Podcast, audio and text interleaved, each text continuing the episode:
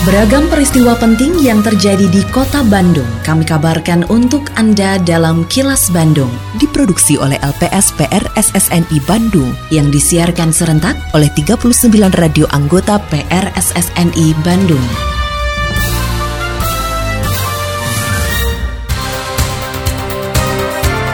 Sejumlah informasi aktual kami hadirkan untuk Anda dan inilah informasi utamanya. Purna tugas jadi kesempatan untuk meningkatkan kualitas hidup. DPRD apresiasi KPK kampanyekan antisipasi money politik jelang pemilu. Biaya pembangunan Monumen Plaza Soekarno berasal dari swadaya. Saya Santika Sari Sumantri, inilah kilas Bandung selengkapnya.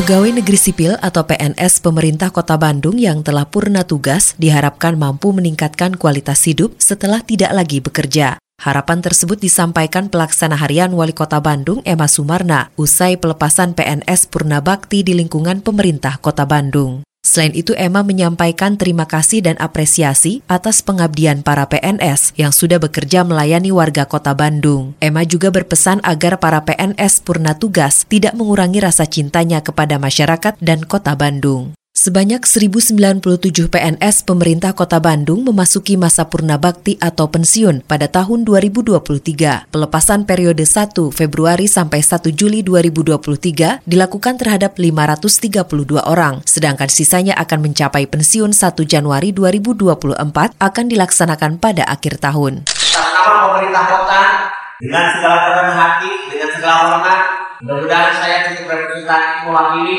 kawan-kawan yang ada di Pemkot ini. Mengucapkan terima kasih kepada Allah saya dan Kasiro atas dharma bakti yang sangat luar biasa. Bapak dan Ibu yang sudah demikian luar biasa memberikan pengabdian yang terbaik untuk kota ini dan untuk masyarakat ini. Mudah-mudahan ini pun bagian daripada amal ibadah Bapak dan Ibu Allah Subhanahu wa taala yang akan balasan yang jauh lebih baik, lebih besar, lebih baik dari apa yang sudah kita lakukan. Dan kami pun titip Bapak dan Ibu jangan pernah berkurang rasa cinta ke kota dan masyarakat. Suara Ketua DPRD Kota Bandung dan politisi PKS Teddy Rusmawan. DPRD Kota Bandung mengapresiasi kegiatan roadshow bus KPK di Kota Bandung sebagai upaya membangun gerakan anti korupsi. Apresiasi tersebut disampaikan Ketua DPRD Kota Bandung, Teddy Rusmawan, saat menghadiri kegiatan roadshow bus KPK yang berlangsung di depan Gedung Sate pada Minggu 2 Juli 2023. Politisi PKS ini berharap khusus untuk Kota Bandung ada penguatan dari inspektorat agar berbagai aspek yang menjadi kunci pencegahan korupsi bisa diterapkan di lingkungan pemerintahan Kota Bandung. Selain itu, DPRD Kota Bandung sangat mendukung kegiatan roadshow bus KPK sebagai kampanye antisipasi money politik pada pemilu 2024 mendatang. Sehingga diharapkan bisa disosialisasikan ke masyarakat untuk menghadirkan pemilu yang bersih dan melahirkan para calon anggota dewan yang berintegritas dan berkualitas, termasuk pemilihan presiden yang sesuai dengan harapan masyarakat. Kami DPRD Kota Bandung mengapresiasi kunjungan KPK RI, Komisi Pemberantasan Korupsi yang berkunjung pada hari hari Minggu tanggal 2 Juli 2023 ke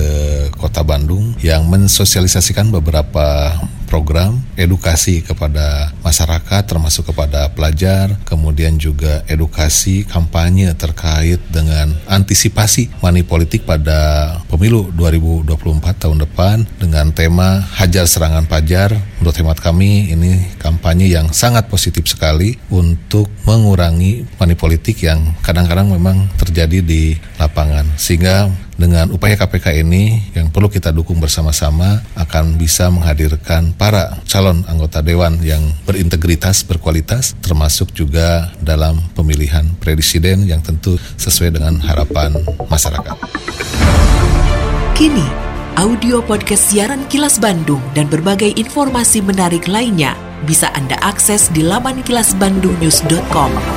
Pembiayaan pembangunan Monumen Plaza Soekarno berasal dari swadaya masyarakat atau non-APBD dan APBN. Monumen Plaza Soekarno setinggi 22,3 meter akan menjadi patung tertinggi se-Indonesia. Pembangunannya diperkirakan berlangsung selama 3 sampai 4 bulan. Hal tersebut disampaikan Ridwan Kamil usai melakukan peletakan batu pertama pembangunan Monumen Plaza Soekarno bersama perwakilan keluarga Bung Karno di area Gor Saparua, Kota Bandung. Ridwan Kamil mengatakan area Gor Saparua dipilih karena berada di kawasan Nusantara yang dikelilingi oleh nama jalan yang mewakili pulau di Indonesia. Selain itu, Monumen Plaza Soekarno diharapkan bisa mengstimulasi generasi muda di Jawa Barat sehingga mimpi Indonesia emas di tahun 2045 mendatang bisa tercapai. Kita memulai pengerjaan Monumen Plaza Soekarno atau Bung Karno yang datang dari aspirasi masyarakat. Hingga tolong dicatat pembiayaannya pun datang dari masyarakat. Total pembiayaan 15 miliar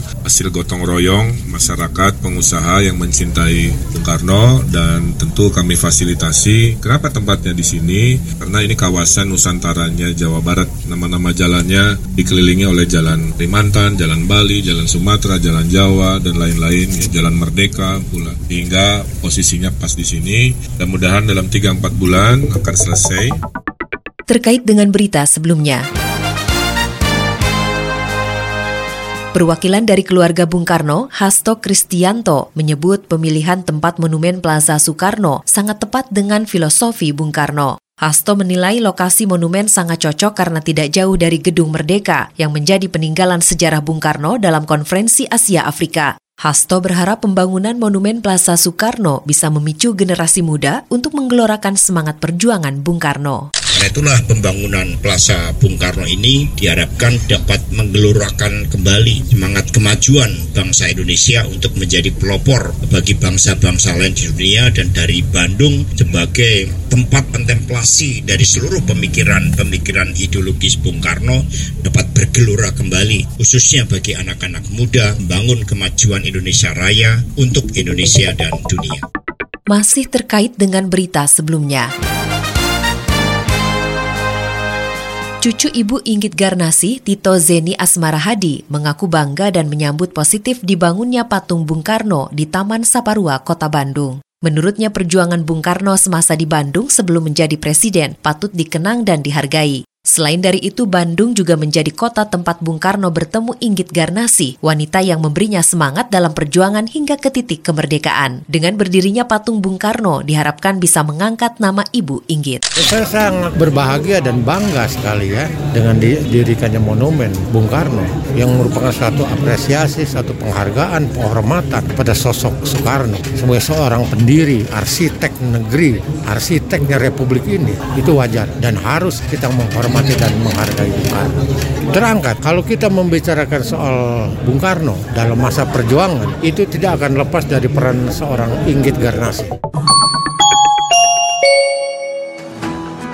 Halo para pengguna jalan yang dermawan, tidak memberi di jalan bukan berarti tidak peduli loh. Tempat donasi yang tidak tepat akan memiliki dampak negatif bagi anak jalanan, pengemis, gelandangan, pengamen, dan sejenisnya. Salurkan donasi kita untuk memotivasi mereka agar tidak berada di jalanan. Nasib dan masa depan mereka terdampak dari cara para dermawan memilih tempat, ruang, dan waktu di saat memberikan donasi. Hati-hati di jalan ya, semoga niat baik kita disertai tanggung jawab moral dan memiliki kebermanfaatan. Pesan ini dipersembahkan oleh Dinas Sosial Kota Bandung pemerintah menetapkan status pandemi COVID-19 di Indonesia sudah berakhir dan mengubah COVID-19 menjadi penyakit endemi di Indonesia. Tetap jaga kesehatan diri dan keluarga selama situasi endemi dengan terus menjalankan perilaku hidup bersih dan sehat. Terima kasih Anda telah menyimak kilas Bandung yang diproduksi oleh LPSPR SSNI Bandung.